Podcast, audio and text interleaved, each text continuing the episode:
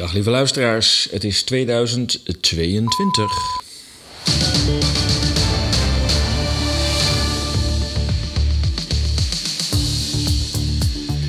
Ja, 2022 en het is weer weekend. Want weekenden zijn er ook in 2022, heb ik me laten vertellen. Het is weer tijd voor Radio Moddergat, de vrije podcastradio van ezas.nl. Twee wekelijks, 60 minuten lang berichten over bizarre tijden. Mijn naam is Paul de Bruin en we noteren 7 januari 2022. In deze uitzending de volgende onderwerpen. De bekendste podcast eh, van de Verenigde Staten, Joe Rogan, spreekt met Robert Malone. Ja, er is een gecoördineerde censuur, zegt de BBC. Hoe gaan we om met tegenstrijdige feiten? Russisch aardgas, eh, politieke speelbal.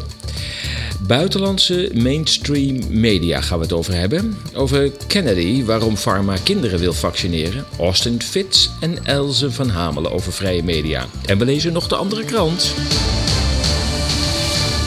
Ja, en ik ga dit keer uitgebreid stilstaan bij een belangwekkend en naar mijn idee ook informatief interview van Joe Rogan met meervoudig mRNA-patenthouder Robert Malone. Uh, Joe Rogan is, uh, is een van de bekendste, misschien wel de bekendste podcaster van de Verenigde Staten. Hij, hij heeft echt een miljoenen publiek.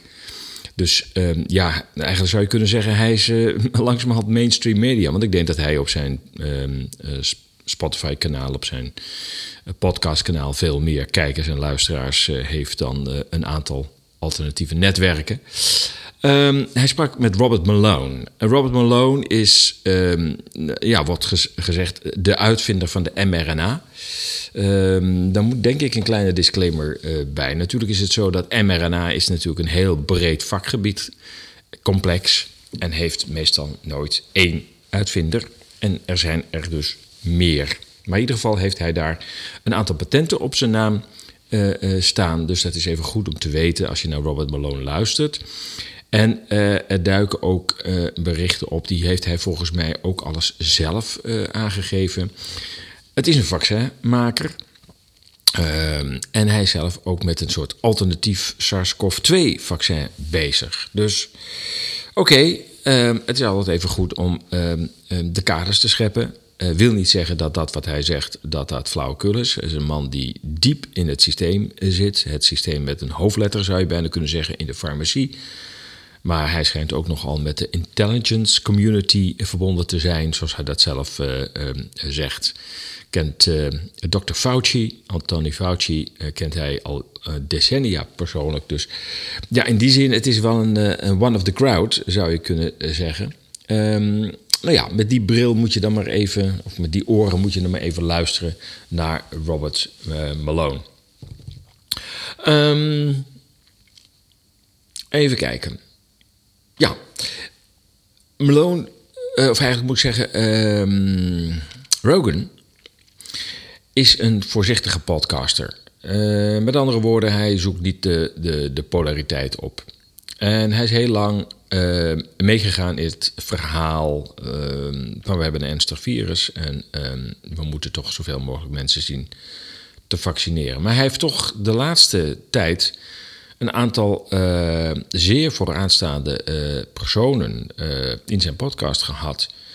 Um, waardoor hij is gaan twijfelen of het verhaal wel klopt. En het feit dat hij Robert Malone heeft uitgenodigd, geeft aan dat, dat hij daar veel meer van wil weten. Malone is inmiddels een paria geworden op, op het gebied van social media. LinkedIn heeft hem een paar maanden geleden eraf gegooid. En uh, ik geloof dat uh, in de laatste week van december werd hij ook van Twitter geknikkerd. Want ja, kan blijkelijk telt zijn stem niet. Goed, we gaan even luisteren naar Malone over waarom die dan van Twitter is afgehaald. The fact that you've been banned from Twitter is it's it's very confusing because I've been following your tweets and I've been reading all the things you've written and I don't understand how it justifies a ban, and I don't know what was the partic- particular tweet Did, did they tell you what the particular tweet was or what the offense was? That They never tell you. they never told you. Well, they, just- never tell anybody. They removed you for not going along with whatever the tech narrative is, because tech clearly has uh, a censorship agenda when it comes to COVID, in terms of treatment, in terms of the, the wh- whether or not you are promoting what they would call vaccine hesitancy. They can ban you for that. They can ban you for, in, in their eyes, what they think is a justifiable offense. And they're doing this, and I don't know who these people are that are doing this, but they're doing these this one of the most important things about you reading out your history like that is to one of the most qualified people in the world to talk about vaccines. Ja, misschien is het goed om dat toch hier en daar wat eh, te- eh, in het Nederlands samen te vatten. Eh, ik weet niet of iedereen eh, Engels-Amerikaans eh, voldoende verstaat, maar Joe Rogan introduceert het onderwerp over, over Twitter. Dat Twitter zeker een bepaald narratief heeft op, op het gebied van vaccins. Vooral het bestrijden van berichten die de uptake, oftewel de acceptatie van vaccins, kunnen beïnvloeden. En hij zegt tegen Malone: Ja, het is toch wel raar dat uitgerekend uw stem wordt geblokt. Want ja, als er één autoriteit is op het gebied van vaccins, dan bent u dat wel. Well, thank you for that. I, I think that that's so. One way that some people put it is, and of course, since this has happened, I've been contacted by multiple lawyers that are looking at filing a suit, just like Alex Berenson has one against Twitter. Um, and and the point is made just what you just made. Uh, um, if so, the point that I, I think is kind of succinct on this is. Um, if my voice, if it, if there's no merit to my voice being in the conversation, whether I, it's true or not, whether I'm factually correct or not, let's park that just for a minute. Whether or not I'm right in everything I say, and I freely admit no one's perfect. I'm not perfect. It's one of my core points. Is people should think for themselves, and I try really hard to give people the information and help them to think, not to tell them what to think. Ja, dat is essentieel wat hij daar zegt. Eh, hij zegt, ja, ehm, ik weet niet wat ik daar fout heb eh, eh, gezegd. Maar ehm, hij zegt, ik kan natuurlijk fouten maken. Ehm, eh, ik kan een verkeerd oordeel vellen. Maar wat mij betreft, volgens Malone, moeten mensen zelf eh, eh, informatie zoeken. Ik, ik breng het mijne in. eh, maar mensen moeten voor zichzelf denken. Rogan ehm, kaart, oh ja, nog even daarvoor is het misschien wel goed om te weten dat er, dat er natuurlijk behoorlijke eh, eh, kruisverbanden zijn tussen de verschillende media. Ehm, dat weten we eigenlijk allemaal wel, maar soms weten we daar de namen niet, eh, niet bij. Om er eentje te, te noemen, er is een verknoping tussen hoge positie bijvoorbeeld van Twitter, het persbureau Reuters Thomson, een van de grootste eh, ehm, persbureaus ter wereld, en, en Pfizer. Om er eentje te noemen, Jim Smith was topman tot voor kort bij Reuters Thomson en stapte onlangs over naar een directiefunctie bij Pfizer. Ja, hoe nauw kun je het dan ehm, hebben? Nu we het toch over, eh, over de geneesmiddel zelf eh, hebben. eh, Rogan komt ook op het eh, gevaarlijke dossier van HCQ en Ivermectin, Ivermectine, als zijn de alternatieve eh, manieren om in ieder geval redelijk in een vroegtijdig stadium een infectie met COVID te kunnen ombuigen en mensen uit eh, de IC te kunnen houden. and by we, what I'm saying is the FDA created so much grief that the DOD decided it, the juice wasn't worth the squeeze, and they just dropped that arm. Why do you think that is? What do you think is going on with the the the pushback on ivermectin? So it's not just ivermectin; it's hydroxychloroquine. And just to put a, a marker on that, there's good modeling studies that probably half a million excess deaths have happened in the United States through the intentional blockade of early treatment by the U.S. government. Ja, dat is eh, nogal een aantijging die je daar doet. Maar je ook eh, uit andere bronnen hoort dat eh, die FDA, die Food and Drug Administration in de Verenigde Staten, zeg maar de medische autoriteiten, ehm, uh, ivermectin en HCQ uh, blokkeerden. Zeiden, nou ja, het is, het is sop, het is de kool niet waard, het, het, het, het, het werkt niet. En heel veel, zoals Malone zegt, roadblocks op, op de weg legde om um, te voorkomen dat de beide middelen um, toegepast zouden gaan worden.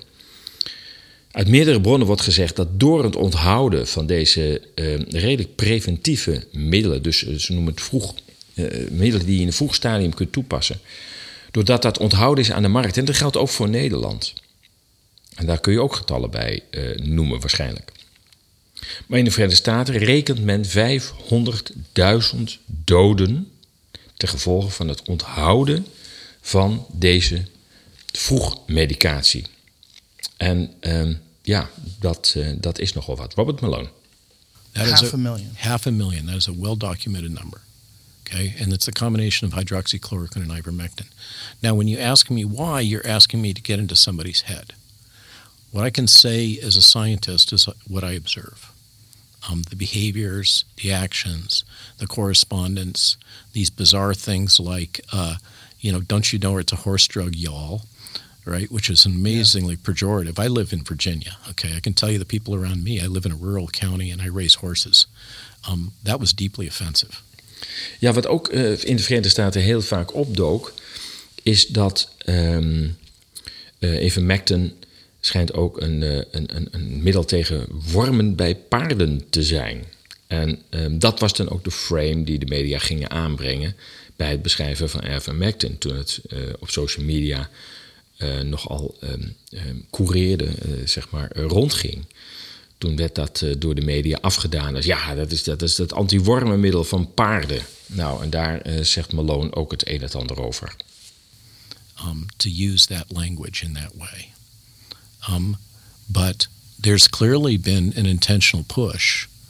And Zev Zelenko, who's a buddy, uh, the guy that came out with the original protocol, the Zelenko protocol, and was the one, by the way, that wrote the letter to um, uh, to Trump advocating for hydroxychloroquine. Malone maakt hier een andere opmerkelijke um, opmerking over uh, Dr. Salenko, die um, natuurlijk bij veel voorstanders van het gebruik van ivermectin, um, ivermectine erg uh, populair is en ook bekend is. Daarvan zegt Malone weer van ja, maar hij was wel degene die uiteindelijk opriep om uh, eh, HCQ niet verder te promoten. Heeft zelf, Salengo, een eigen pakket samengesteld. Dat verkoopt hij ook online. Ik geloof iets van 50 uh, euro um, tegen COVID. Um, en dat zal waarschijnlijk op een ander principe gebaseerd zijn. Maar zo zie je dat deze hele wereld van voor- en tegenstanders eigenlijk allemaal wel vol zit met belangen. Dat is altijd wel goed om elke keer weer als je een spreker hoort, uh, of het nou de ene kant is of de andere kant, je altijd um, af te vragen: who benefits? Um, and you know, the classic guidance is follow the money. Yeah.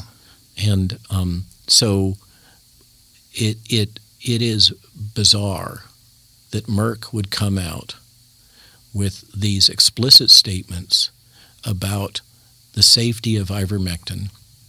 Both ivermectin and hydroxy are on the WHO list of essential medicines. They have been administered for millions and millions of doses. They're among the safest medicines we know when administered within this acceptable window, pharmaceutical window. Um, they, the ivermectin is even safer than hydroxy. So Merck coming out out of the blue and saying ivermectin isn't safe is really inexplicable. Ja, dat uh, Merck, een van de farmaceuten, heeft gezegd uh, dat ivermectin niet veilig is, uh, vindt Malone onverklaarbaar. Um, en zeker als je weet dat Merck de producent en de uitvinder ook is van Ivermectin. En het al jaren op de schappen heeft liggen. Maar toen dacht ja, wacht eens even, maar het patent is eraf, we verdienen hier helemaal niks meer aan. We moeten weer een nieuw product hebben. Dus we verklaren Ivermectin dat eigenlijk heel erg veilig is, verklaren we nu nog maar weer tot onveilig, zodat we weer met een nieuw product kunnen komen. Um, In uh, China is uh, veel succes uh, geboekt met, met alternatieve aanpak. men zegt met HCQ en een andere samenstelling. geen ivermectin. In tegenstelling tot Japan, die ik geloof in september of zo begonnen is om um, toch maar ivermectin te gaan toepassen. Nadat de vaccinatierondes niet tot, tot successen leidden. En wie de grafieken bekijkt van Japan ziet dat op het moment dat ivermectin werd ingezet de grafiek van nieuwe besmettingen ehm, nou, ehm, tot op de bodem eh, kwam. En daarmee eh, het grootste probleem in Japan voorbij was. Het eh, vaccineren is overigens in Japan ook niet verplicht. En ook druk mag in Japan op het vaccineren niet worden uitgeoefend. Uh, Malone komt met een heel mooi voorbeeld uit India. India bestaat natuurlijk uh, uit een aantal deelstaten die enorm groot zijn. Er zijn deelstaten bij van 200 miljoen inwoners. En de deelstaten hebben daar onderling een verschillend eh, beleid. En daar maakt hij een interessante opmerking over als het gaat bijvoorbeeld over Uttar Pradesh. Uttar Pradesh, as you know, has crushed COVID. Yeah, to, you explain what they did to do that because it's kind of fascinating. It's it's not clear um, what are the drugs. So what they did do, what we do know, and there there's some backstory to this that we could go into if you want to, but the observation is there was a decision made. The virus was just ripping through Uttar Pradesh. It has almost the same population as the United States. It's huge. Okay, um, dense, urban, poor, all the characteristics of the stereotypes of the Indian countryside, um, and uh, the virus was just ripping through there and causing all kinds of death and disease. And the decision was made out of desperation in that province to uh, deploy early treatments as packages widely throughout the province. And it included a number of agents. The composition has not been formally disclosed. It was done in coordination with, United, with um, WHO, and whatever was in those packages um, was rumored to include ivermectin, um, but there was a specific visit of Biden to Modi, and um, a decision was made in the Indian government not to disclose the contents of those packages that were being deployed in Uttar Pradesh, which they're still there. And Uttar Pradesh is flatlined right now. The rest of the world is yelling about Omicron and and and hospitalizations. Well, South Africa isn't, but uh, Uttar Pradesh is still flatlined in terms of death. Ja, Malone is niet alleen wetenschapper en uh, meervoudig patenthouder van mRNA-technieken. Hij is ook uh, ervaringsdeskundige, want hij is zelf uh, in het begin van de pandemie, ik geloof dat hij zegt februari 2020, is hij zelf ernstig ziek geweest. Um, hij noemt COVID niet, maar de grote waarschijnlijkheid dat hij het dan in dit verband over COVID heeft. En hij was er ernstig aan toe. so February of 2020, you get infected, and how bad is your case? Bad. I thought I was going to die. You got to remember, I was up, up, up on all the latest information from China and everywhere else. I knew all about this virus. I knew, you know, I, I've been watching the videos of people dropping in the street. My lungs were burning until I took famotidine, and that relieved that. And what is famotidine? It's otherwise known as Pepsid. Het is uh, overigens opvallend dat hij hier uh, even in een bijzin noemt dat hij ook de beelden heeft gezien van Chinezen die dood vielen op straat. Beelden die erg ongeloofwaardig overkomen, maar hij maakt daar een opmerking over zonder daar een kanttekening bij te maken. Wat suggereert dat hij die beelden wel vertrouwt. Nou, ik laat het niet midden. Ik vond het zelf erg ongeloofwaardig. Dat is mijn eigen mening. Ik hoor ook heel veel mensen zeggen dat is, dat is flauwekul. Uh, mensen vallen niet van het virus uh, in één keer om. Ik moet ook zeggen, ja, daar sluit ik me wel bij aan. Maar hoe dat nou werkelijk zit, ja, ik weet niet of we dat ooit uh, te horen zullen krijgen. Een gecoördineerde actie van Big Tech en de grote mainstream media om alle berichten te onderdrukken die um, de bereidheid om zich meervoudig te laten inenten met deze experimentele mRNA-vloeistof. Um, heet de Trusted Media Initiative. En um, daarover heeft spreekt nu Robert Malone. Ik kom daar ook later in de uitzending nog op, uh, op terug. You're aware of the Trusted News Initiative? Yes. Can you explain it to people? Yes. So um, there, uh, the BBC announced uh, to the world uh, last fall that this organization that they had led uh, the development of, which ties together big tech and big media in service of the government, uh, and was built expressly for the purpose of protecting the democratic voting system, the you know, small d, um, the democracy, um, and and voting integrity from undue influence from hostile offshore players through me- media information campaigns, um, which you'll recall was the claim that was made against Russia. And so this was the response of the Western nations um, to, to build this new structure called the Trusted News Initiative that would survey all information about um, elections and prevent the intrusion of foreign information into the democratic process and creation of undue influence by foreign actors. Shortly after it was created, it was um, there was an awareness in the pharmaceutical industry that this could be used to um, address a, a particular devil challenge that they had, which was the pejorative label anti vaxxers. That's also been deployed against climate skeptics. Okay, so anti vaxxers, you'll recall, is the, the label that is used to, to basically take anybody out that is raising any concerns about vaccine safety. Um, it's it's the pejorative that's applied, and it makes it really easy for the media to basically um, take off the table anybody that's saying something that is contrary to the interests of the really the vaccine industry. Ballon legt hier uit dat de Trusted Media uh, Initiative, waar ik direct uh, uh, meer in detail op, terug zal komen, dat het eigenlijk ontstaan is vanuit de Democratische Partij, de Amerikaanse Democratische Partij, om um, nou ja, intrusions, uh, zeg maar berichten van buitenaf, vaak wordt dan Rusland bedoeld, maar het kan ook van de Republikeinse Partij natuurlijk zijn, om ehm, berichten die de Democraten onwelgevallig waren, om die um, te blokkeren en te onderscheppen. En daarmee ont, daardoor ontstond een verbond van uh, een aantal grote social media platforms, de bekende platforms, een aantal grote uh, netwerken, waaronder de BBC, de Trusted Media Initiative. Ehm, en het netwerk dat, dat werkte blijkbaar zo goed dat de farmacie dacht van wacht eens even, maar daar kunnen we natuurlijk net zo hard gebruik van maken.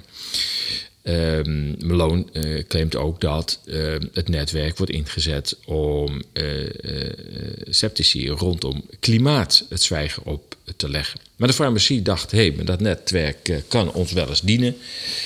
En um, dit, dit, dit bondje, zeg maar, zou je kunnen zeggen, is gebruikt om ook alle negatieve berichten over de vaccins, over de COVID-vaccins, de kop in te drukken. We gaan even wat meer in, in, in detail rondom uh, dit speciale initiatief, waarbij de BBC een centrale rol speelt. De BBC, die overigens ook behoorlijk gefeteerd wordt door de Bill en Melinda Gates Foundation. Nou ja, dat zal langzamerhand niemand verbazen. Hello and welcome to Trust in News, the view from the front line fighting disinformation. I'm Philippa Thomas. I'm a BBC News presenter and I'll be your host today.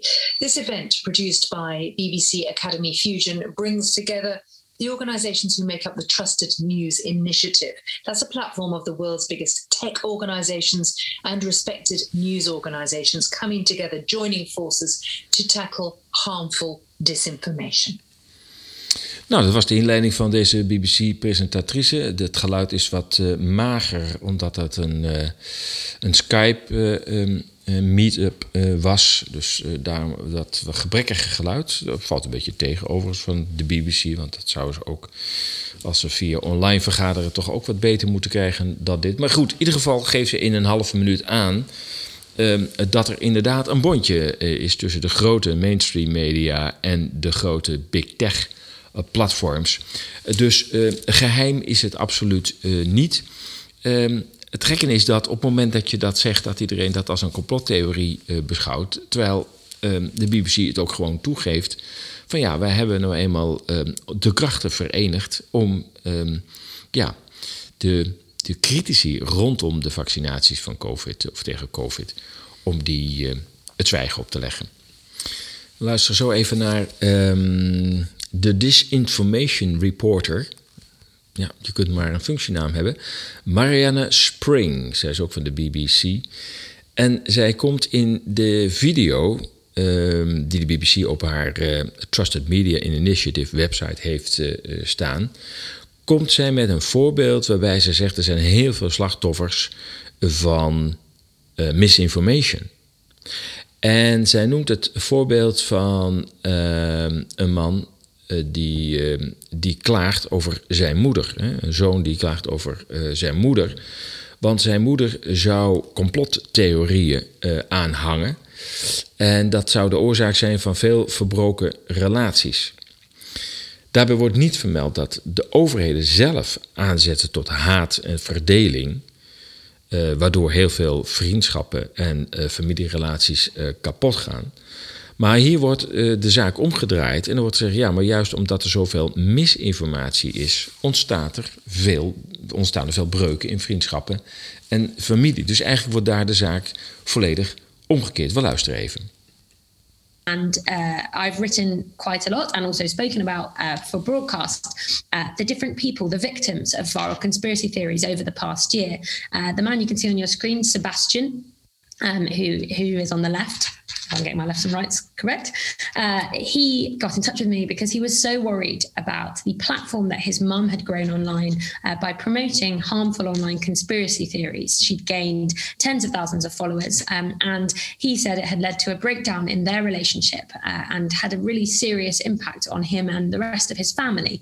Um, and he spoke very movingly of the very personal consequences of online conspiracy theories. And I hear, as I said, daily from people whose relationships and families have been impacted by this. But there are many more casualties of viral conspiracy theories over the past year. Pictured at the bottom is Brian and his wife Erin. He believed that uh, coronavirus wasn't real or that it just wasn't that serious, um, or even that it was linked to 5G technology because of stuff he was seeing on Facebook. So he and Erin uh, didn't follow health guidance. They didn't seek help when they both fell ill as quickly as they might have. And they ended up in intensive care. And really sadly, Erin uh, ended up losing her life as a consequence of having had coronavirus heart complications that were linked to that. Ja, ze gaan nog een stap verder. Uh, de moeder uh, uh, van Aaron heet hij volgens mij. zou zijn overleden omdat zij het vaccin niet wilde hebben en toch COVID kreeg.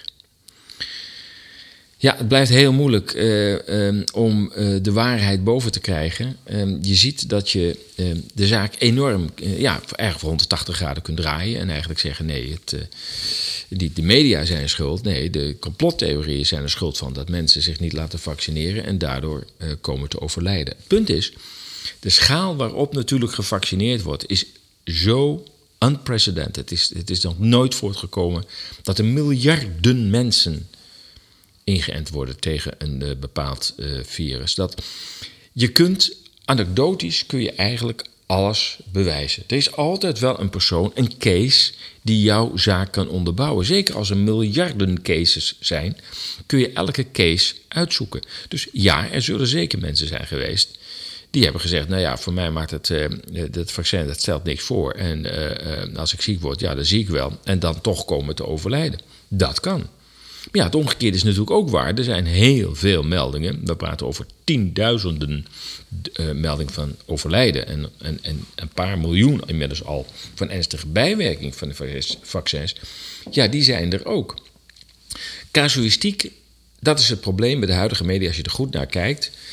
Is dat er heel veel casuïstiek wordt bedreven. Jantje, Pietje, Klaasje, uh, die kreeg dit, die deed dat. En, ja. en nogmaals, met zo'n groot aantal mensen die in dit circuit nu zitten van vaccinatie of niet-vaccinatie, kun je elke case kun je maken door één of twee personen eruit te lichten. En dat is wat de media op dit moment uh, doen. In plaats van uh, globaal naar de zaak kijken op basis van cijfermateriaal, hoe onbetrouwbaar ze vaak natuurlijk ook zijn, want ja, hoe goed kan het wereldwijd worden bijgehouden? Um, in plaats van dat ze dat doen, pikken ze er gewoon cases uh, uit. Nou, deze uh, Marianne Spring ehm, komt nog met een volgend voorbeeld. Um, waarbij ze zegt dat iemand um, claimt bijwerkingen te hebben gehad. Terwijl ze weliswaar een Pfizer-vaccin heeft gekregen, heeft laten zetten. Maar dat zou een placebo zijn geweest, een placebo. Recently, I've been investigating the impact of the anti vaccine movement. Uh, Patricia, who's pictured at the bottom's foot went viral because she mistakenly uh, had jumped to the conclusion that she had been injured in uh, the Pfizer vaccine trial. It turned out that she hadn't. She'd actually received the placebo, but it was too late. By that point, anti vaccine activists were using her story online to fuel harmful narratives. And in many ways, uh, this report about Patricia has become uh, emblematic of how uh, stories, particularly personal stories, are misused used by a small minority of committed activists online. Ja, small activists online, misused. Um, ja, dat zal best gebeuren natuurlijk. Maar de vraag rijst natuurlijk, zij, zij maakt daar een claim dat zij zegt, ja, maar uh, uh, deze mevrouw die claimt bijwerkingen van het vaccin te hebben gehad. Dat kan helemaal niet. Want ze heeft een placebo gehad. Nou heb ik begrepen uh, uit berichten ook online dat een placebo niet bepaald water hoeft te zijn. Er zitten altijd stoffen, ook in een placebo, in een placebo-vaccin. Uh, dus ten eerste kan het zijn dat de betrokken persoon toch op die andere stoffen heeft gereageerd uh, in de placebo en wel degelijk bijwerking heeft onder, ondervonden. Maar als dat niet zo zou zijn en die vrouw zou hebben gelogen, dan nog vraag ik me af, hoe komt de BBC erachter dat een bepaalde persoon een placebo heeft gehad? A, kan blijkelijk worden er placebo's gegeven, dus mensen die helemaal geen bijwerkingen hebben, zouden een placebo gehad kunnen hebben. Die zijn dan overigens ook niet beschermd, hè? dus je denkt beschermd te zijn. Je krijgt een placebo, je loopt de, de spuithal uh, uit en um, je denkt dat je beschermd bent en ben je niet beschermd. Nou, ben je ook niet zo heel erg beschermd door die vaccin. Blijkt nu. Maar goed, los daarvan. Um, het, het, het, is toch wel raar dat de BBC meent te weten dat deze mevrouw een placebo zou hebben gehad. Maar goed, um, het blijft natuurlijk uh, uh, dubieus. Ook de BBC, die dan zegt dat ze uh, nu de trusted media zijn, samen met Big Tech. Um, maar wat ik al zei, Bill Gates is een van de grote sponsors van het gezondheidsprogramma van de BBC. Ja. Het blijft moeilijk om de waarheid op het spoor te komen. Het, het, het blijft wikken en uh, wegen en vooral zelf onderzoek doen en je eigen verstand gebruiken. Uiteindelijk gaat het over je eigen gezondheid en alleen jij bent daar verantwoordelijk voor. Dat is in ieder geval de les die we kunnen trekken na bijna twee jaar COVID. Ja, en dit is Modderpraat.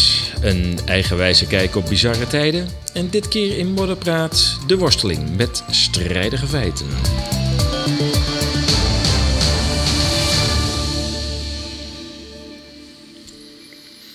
Ja, het blijkt wel uit, uh, nou ja, net uh, de berichtgeving over de Trusted Media Initiative.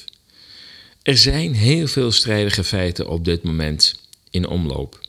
En het is voor heel veel mensen een worsteling om daarover hun uh, gedachten uh, op te maken en te bepalen van ja, wat is nou waar en wat is nou niet waar. Het probleem uh, met, met onze, onze hersenen is zo dat wij zoeken naar consistentie. We zoeken naar dingen die bij elkaar horen. En dat geldt ook voor informatie. Dus als we een, al een, een basisinformatie hebben over een bepaald onderwerp. En er komt nieuwe informatie bij, maar de nieuwe informatie die sluit niet aan bij wat we al weten. Dan reageren we, nou ja, dat we niet begrijpen. Zo van ja, ik kan het niet plaatsen. Um, dan wel dat je het gewoon verwerpt. En zegt, ja, sorry, maar dit is wat ik weet. Maar wat jij nu zegt, ik weet niet waar dit weer vandaan komt. Maar ehm, nee, ik, ik, ik heb daar niks mee. Dan wel dat iemand komt met strijdige feiten. Zo van, ja, ik begrijp wat je zegt, maar het is zo contrair aan wat ik al weet. Ehm, ja, ik, ik, ehm, ik, ik, ik, kan die twee feiten niet naast elkaar in mijn hersenen opslaan. Dat is een beetje het probleem. Soms kunnen tegenstrijdige feiten toch waar zijn. Hè? Afhankelijk van de omstandigheden waarin die feiten zich voordoen, kunnen gepresenteerde feiten allebei waar zijn. Het probleem is dat we daar heel slecht mee om kunnen gaan. Dus wat je ziet is dat op het moment dat er eenmaal een mening gevormd is, dat iedereen gaat, gaat dan bevestiging zoeken van die op dat moment al eh, bij hem postgevatte mening. En op het moment dat er dan toch andere feiten komen, strijdige feiten, wat mensen dan doen is, is die strijdige feiten, als ze daar, daar toch niet onderuit kunnen, van ja, ja, ja, ja, het kan toch wel waar zijn, maar proberen dat gat tussen dat wat men, wat men al weet en waarvan men zegt, ja, dat, dat is voor mij het feitencomplex waar ik me aan vasthoud. En het nieuwe feit wat daarmee in strijd uh, uh, is, dat gat, dat heet dan cognitieve dissonantie. De afstand tussen dat wat je denkt te weten en, en, en nieuwe informatie. En je probeert dus een redenering op te zetten om dat gat tussen die twee uh, waarheden, om dat uh, te dichten. En Leon Festinger schreef er al in 1957 een boek over en schreef dat mensen altijd streven naar interne psychologische consistentie om mentaal goed te kunnen functioneren.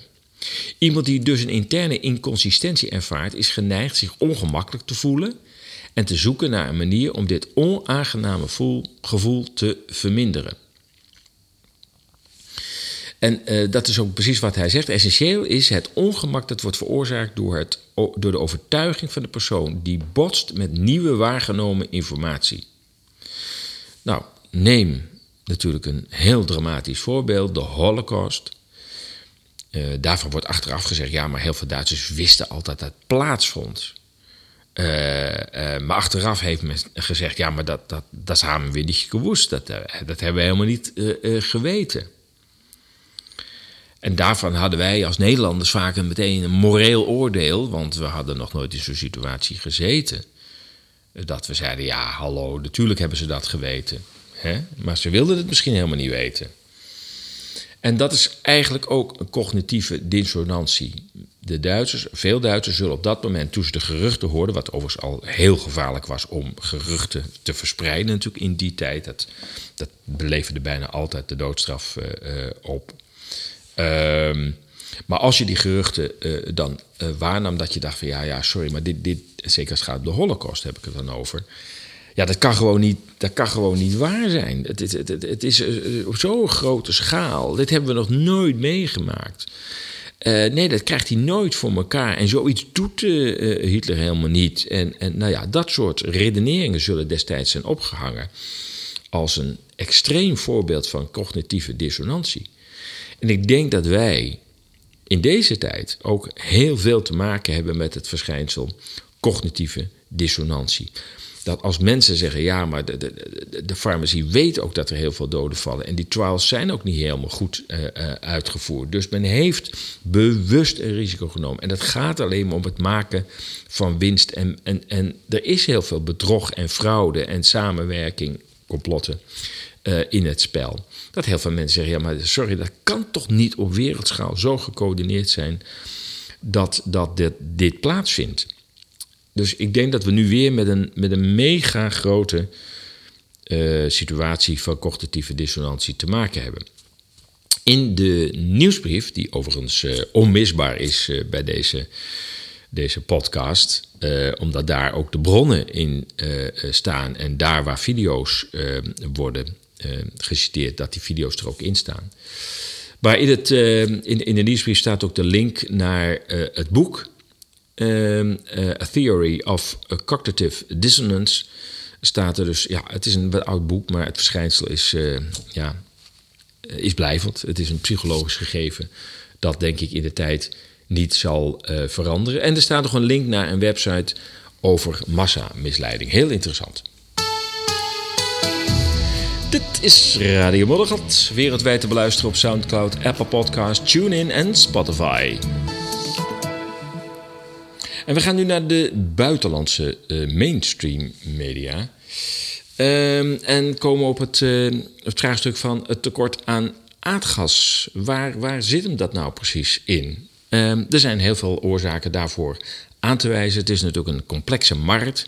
Als het gaat om de energiemarkt, waar heel veel partijen op spelen en ook heel veel belangen spelen. Dus ook daar geldt weer voor: het is maar net aan welk touwtje je trekt om uh, de oorzaak uh, te achterhalen. Het is natuurlijk wel opvallend dat uh, um, um, de, de, nou, Duitsland gebruikt voornamelijk Russisch aardgas. Dat is een van de, de, volgens mij is dat de belangrijkste leverancier voor Duitsland van, uh, van aardgas. Men heeft een toenemende behoefte aan aardgas. Ja, dat zou je verbazen. Het is het land van de, de duurzame transitie. Alleen, ja, men is daar toch wel uh, wat uh, in teleurgesteld. In de zin, men heeft wel een hoge productie, relatief gezien ten opzichte van Nederland. Maar Nederland stelt het ook niet zo heel erg veel voor. Maar men ziet natuurlijk ook wel dat het heel erg variabel uh, is. Ja, zeker op winterdagen, waarin het mistig is, dan is er meestal geen wind en ook geen zon. Ja, je kunt daar niet een land van afhankelijk maken dat er dan gewoon een dag geen elektriciteit is. Dus je hebt een opvang nodig. En daarvoor heeft Duitsland al 25 nieuwe gascentrales in de planning. Je ziet overigens ook weer de opkomst van, van kernenergie. Uh, dus wat dat betreft is er wel iets aan het draaien rondom het duurzaamheidsdenken. Nou, er is een aardgasleiding uh, aangelegd eh, van Rusland rechtstreeks naar Duitsland. want eerst kwam het eh, allemaal via de, de aardgasrotonde in Oekraïne. Maar we weten hoe dat allemaal gelopen is. politiek erg complex. Um, en Rusland en Duitsland wilden dan gewoon rechtstreeks leverantie hebben, een rechtstreekse pijplijn die niet via Oekraïne liep. En dat werd Nord Stream. En je hebt inmiddels al twee pijpleidingen, Nord Stream 1 en 2. 2 is uh, tegen de weer, wil van de Verenigde Staten in toch afgekomen. Weliswaar moesten de Zwitsers onder druk van de Amerikanen afhaken, maar de Russen hebben uiteindelijk, geloof ik, de laatste 100 kilometer naar Duitsland ehm, aangelegd door de Oostzee. Um, nou, die sinds september is die klaar. En het gekke is dat de Duitse autoriteiten nu zelf de ingebruikname van die aardgasleiding blokkeren. Dat is natuurlijk wel vreemd. Wat is daar nou precies aan de hand? Maar er is nog veel meer aan de hand. En we luisteren dan even naar, uh, naar Vladimir Poetin. Uh, een man die in Nederland op de een of andere manier maar niet geciteerd mag worden. Ook zo bizar natuurlijk. het zal wel niet bevallen wat hij, wat hij zegt. En we zijn van enerzijds, anderzijds. En als Poetin iets zinnigs te, te melden heeft, dan, dan wil ik dat ook hier in de uitzending kunnen vertellen. volgens Poetin levert Gazprom aan alle partijen waarmee zij een leveringscontract heeft gesloten. En heeft onlangs de leveranties aan ehm, Europa opgevoerd. Nou ja, we laten hem zelf even aan het woord. Dan kun je in ieder geval, als je Russisch spreekt, kun je controleren wat ik nu als vertaling zeg. Конечно, нет. Никакой здесь правды нет. Это просто э,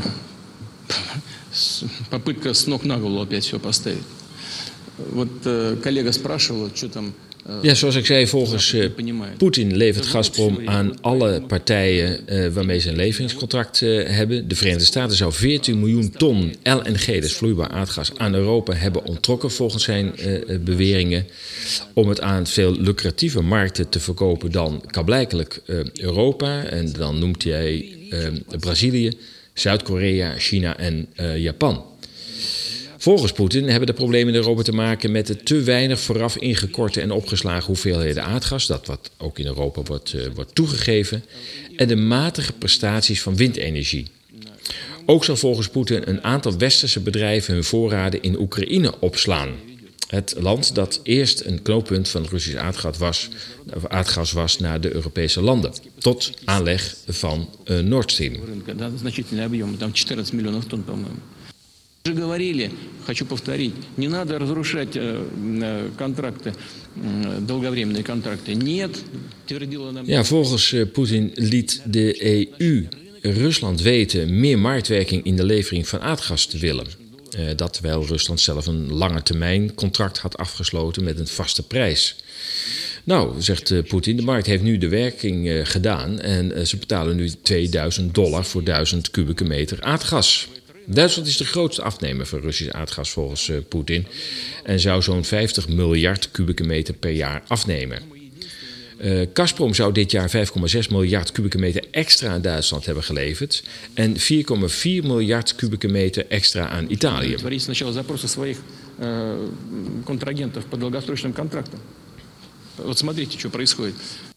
De meestal beheerste Poetin raakt geïrriteerd als hij wordt geconfronteerd met de beschuldiging dat Rusland de aardgasleveranties slecht zou plannen. Letterlijk zegt hij: walgelijk, hoe zal ik het zeggen? Dit is totaal bezijden de waarheid. Maar hoor Poetin even. Европа. Да что противные, вот как бы это сказать? Ну ладно. Но это, ну просто это переходит всякие границы.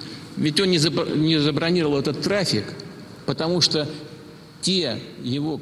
ja, tenslotte zegt hij, Gazprom kon niet plannen omdat de contractpartners en de afnemende landen, voornamelijk Duitsland en Frankrijk, eh, die uit de Jamel-Europa-pijplijn gas afnemen, geen biedingen deden op nieuwe leveranties. En daardoor kon Gazprom niet plannen. Volgens Poetin zou Duitsland zelfs gas aan Polen hebben geleverd. En dat terwijl Gazprom op basis van lange termijn contracten gas aan Duitsland levert, die vier tot zeven maal goedkoper is dan de prijs op de spotmarkt. Volgens Poetin is, dat hun business dat ze dat zo doen, dat ze het voor veel hogere prijzen weer uh, doorverkopen.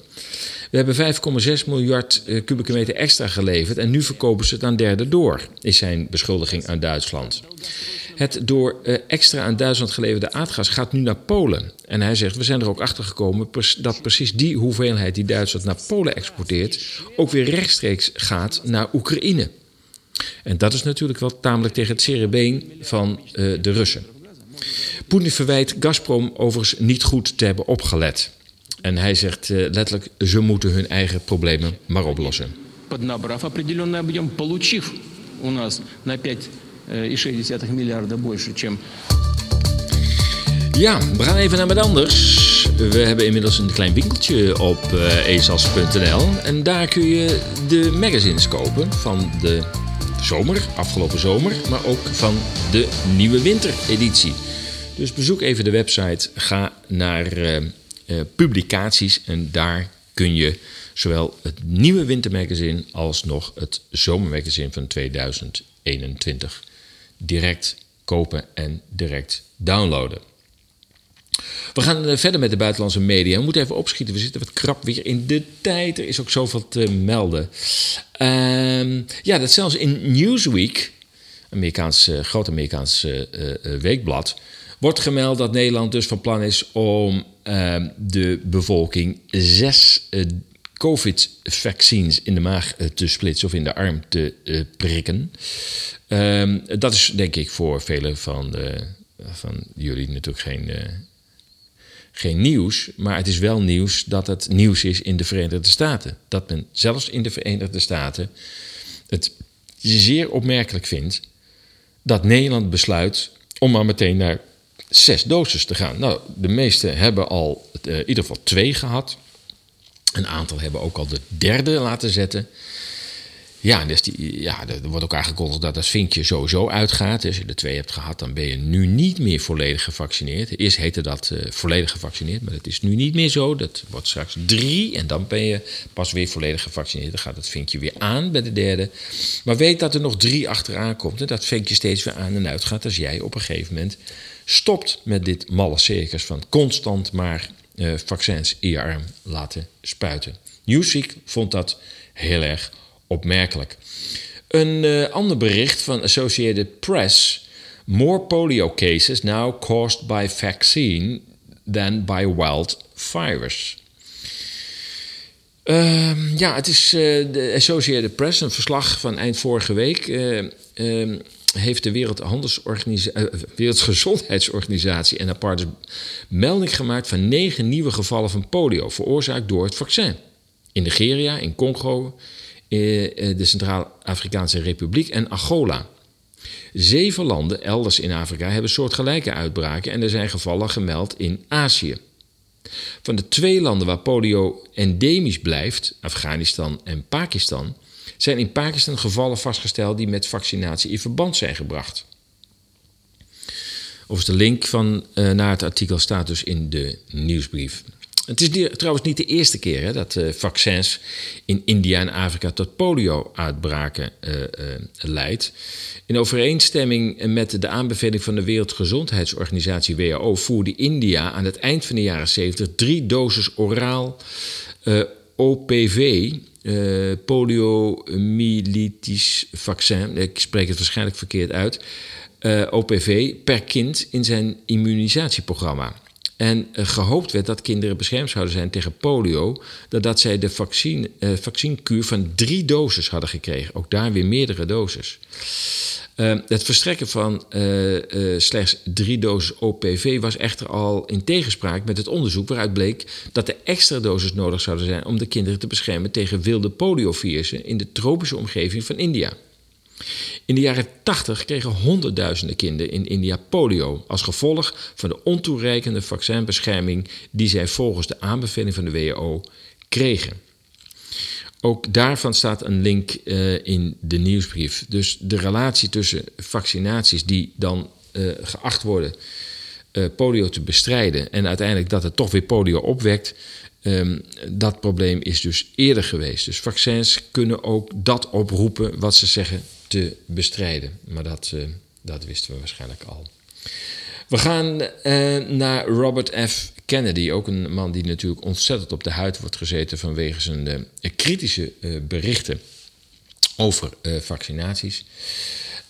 ik haal even één fragmentje uit een recent interview met Amesh Adalia als ik het goed uitspreek. Nee, met podcaster Michael Peterson.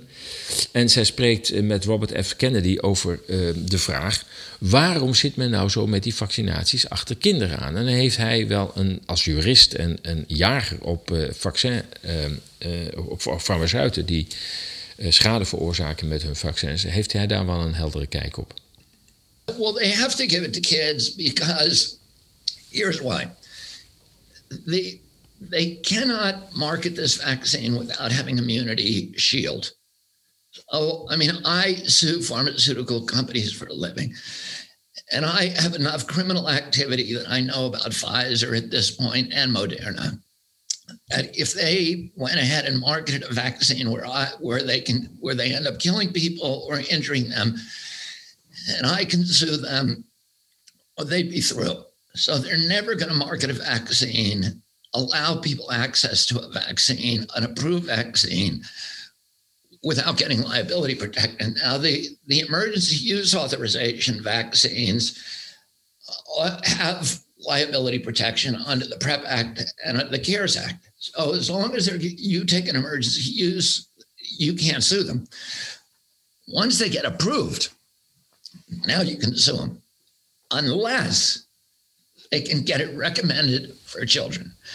What? Because, because all vaccines that are recommended, officially recommended for children, get liability protection, even if an adult gets that vaccine. That's why they're going after kids. Ja, dat is een, eh, een, een schokkende uitspraak. Uh, Robert F. Kennedy uh, zegt: uh, Ja, ik, ik ga juridisch achter farmaceuten aan as a living. Dat is, mijn, dat is mijn werk. Ik ben advocaat. En ik sta vaak in de rechtszaak tegenover farmaceuten. En hij legt uit dat um, um, de aansprakelijkheid voor bijwerkingen. dat die tijdens de trial. En, nou ja, we zitten in de trial, iedereen is onderdeel van een proef. Uh, is er geen liability, is er geen aansprakelijkheid voor de, de farmaceuten voor bijwerkingen. Dat is wat anders op het moment dat het vaccin wordt goedgekeurd. Vanaf dat moment zijn ze wel aansprakelijk. Maar er is weer een uitzondering op het moment dat de vaccins weer toegelaten worden uh, als vaccin voor kinderen, dan vervalt de aansprakelijkheid weer. Vraag me niet uh, waarom dit zo krom geregeld is. Dit is in ieder geval wat de advocaat Robert F. Kennedy zegt. En hij zegt dat is ook de reden waarom ze achter kinderen aangaan. Ja, Wat moet je daarvan vinden? Ja, er is natuurlijk heel veel van te vinden. We gaan naar, uh, we gaan naar de vrije media. Ja, want die zijn er ook. Die zijn er heel veel zelfs. En uh, ik zag daar een interview van Catherine Austin Fitz. Veel van van de luisteraars is dat denk ik, is hij wel bekend hè? Catherine Austin Fitz, oud assistent staatssecretaris eh, onder regering Bush senior, maar ook in oud investment banker in Wall Street, uh, is nu in Nederland uh, geland. En op de een of andere manier komt ze niet meer terug naar de Verenigde Staten. Ik weet ook niet precies wat daar de reden van is, of dat nou die beperkingen zijn rond vaccins. Geen idee. Maar ze zit nu in. Ehm, dan ben ik even het plaatsje vergeten. Um, nou, misschien kom ik daar nog op. Ehm, maar een heel, heel, heel leuk nou, ik kan er even niet op komen. Goed. In ieder geval heeft hij een interview met Elze van Hamelen. En Elze van Hamelen is uh, um, ja, tamelijk op de hoogte van de nieuwe media. Die volgt ze ook op uh, de voet. Heeft ze ook een, een, een wekelijkse nieuwsbrief over. Is overigens ook tamelijk op de hoogte van stralingsproblematieken en 5G. En samen met haar uh, ben ik nu bezig met het dossier Apeldoorn rondom de witte kastjes. Daar komen we later nog wel op, uh, op uh, terug. Maar eerst even naar Catherine Austin Fitz in gesprek voor haar eigen podcast van Catherine Austin Fitz. In gesprek met Else van Hamelen.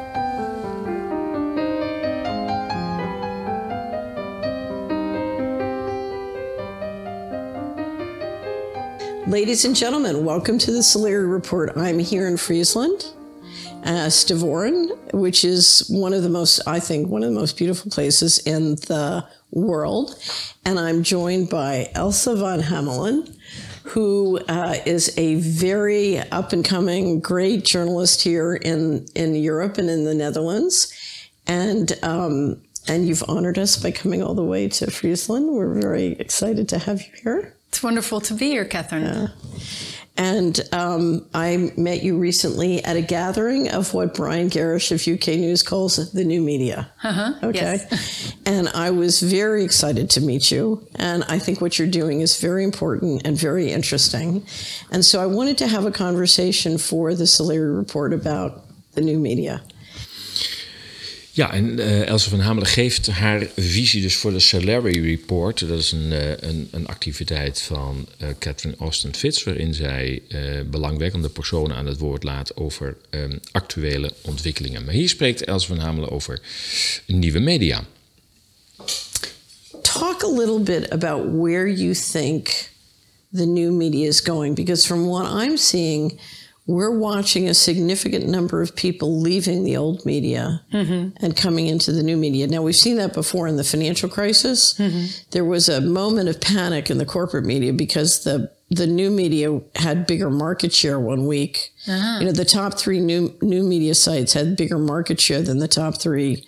News network sites. It was very interesting to watch. And, you know, instantly every time... Ja, Catherine Ostervis leidt haar vraag in uh, met het bericht dat uh, veel alternatieve media inmiddels meer bereik hebben online dan de grote mainstream media. Um, that's a good question. So I think there's a very big need for it. And also even though there are still quite a lot of people attached to the old media, I see also a lot of people recognizing it for propaganda. I heard multiple people saying, every uh, Saturday morning I open the newspaper and I read this, but now I, I just ended my subscription. I can't do this anymore. So I think there's a real need for new media, not just these citizen platforms, but like what the Andere Krant and Gezond Verstand are doing, right. like a real substitute for the old media. Um, and I think that where it is going, I think there's a lot of diversity in this landscape because like you mentioned 9-11 some of these people are diving into this for the last 20 years mm-hmm. so the picture that they have of their reality is very different from somebody who has just followed mainstream media for the last 20 years and I think the real challenge for the new media is to kind of pick up the people that think like that right. want to get out. right. But yeah. meet people where they are. Yeah. Right. Dat is een essentieel punt natuurlijk in het, uh, in het gesprek. Dat ehm, er een brug te slaan is tussen de berichtgeving van mainstream media en de berichtgeving van de vrije alternatieve uh, platforms. Ehm, veel mensen die die alternatieve platforms leiden en inhoud geven, uh, hebben natuurlijk al jarenlang onderzoek gedaan naar de onderwerpen waar zij over, over schrijven, of een podcast over, over maken. En hebben daarmee dus een, een heel andere, ja, je zou kunnen zeggen, informatievoorsprong, maar in ieder geval veel meer uh, detail, maar ook heel andere bronnen geraadpleegd dan de mensen die dan al jaren de mainstream media volgen. En het is dus een taak ook van ehm, de vrije media om die brug te slaan. Dus niet alleen met te roepen van het is anders, maar ook proberen aansluiting te vinden bij. Um, bij die andere wereld. En daar hadden we het straks al over. Die cognitieve dissonantie, die, die moet je zien uh, te overbruggen. En ja, ik, ik, had nog wel een aantal dingen op het programma staan. Maar we zitten al, we zitten al door de tijd heen. Dus dat is, ja, dat is wel heel erg vervelend. Ik wil even absoluut de donateurs bedanken. We hebben afgelopen tijd toch weer hele mooie donaties ontvangen. En daar, daar ben ik ontzettend blij mee en um, ook heel erg dankbaar voor. Dank voor jullie ondersteuning. ESAS.nl is reclamevrij. Radio Moddergat is reclamevrij.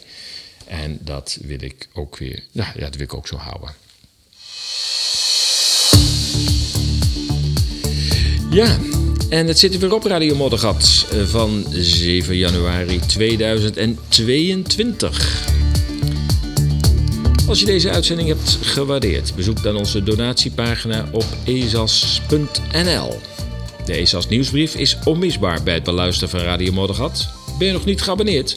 Meld je dan via ezas.nl slash ezas-volgen. Verder kun je ons ook volgen via Telegram. Hier vind je ons onder ESAS.nl. Voor nu wens ik je nog een heel prettig weekend. Blijf gezond, blijf sterk en tot over twee weken.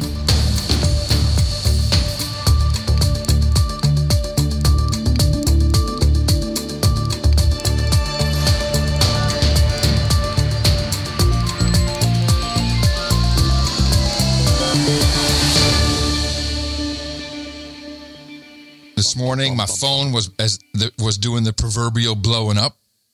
As there was a, you know, the Netherlands still under lockdown. You are not allowed uh, to go outside. You're supposed to be home. and uh, people went out in en masse to uh, the Museumplein in Amsterdam. Uh, the, the, press reported thousands, looked like tens of thousands to me. Uh, so they're breaking the law, and these were just citizens. They were breaking the law, peacefully assembling, and they got beaten. Beaten. There's just video after. It's it's it's scary, John. It's not funny now.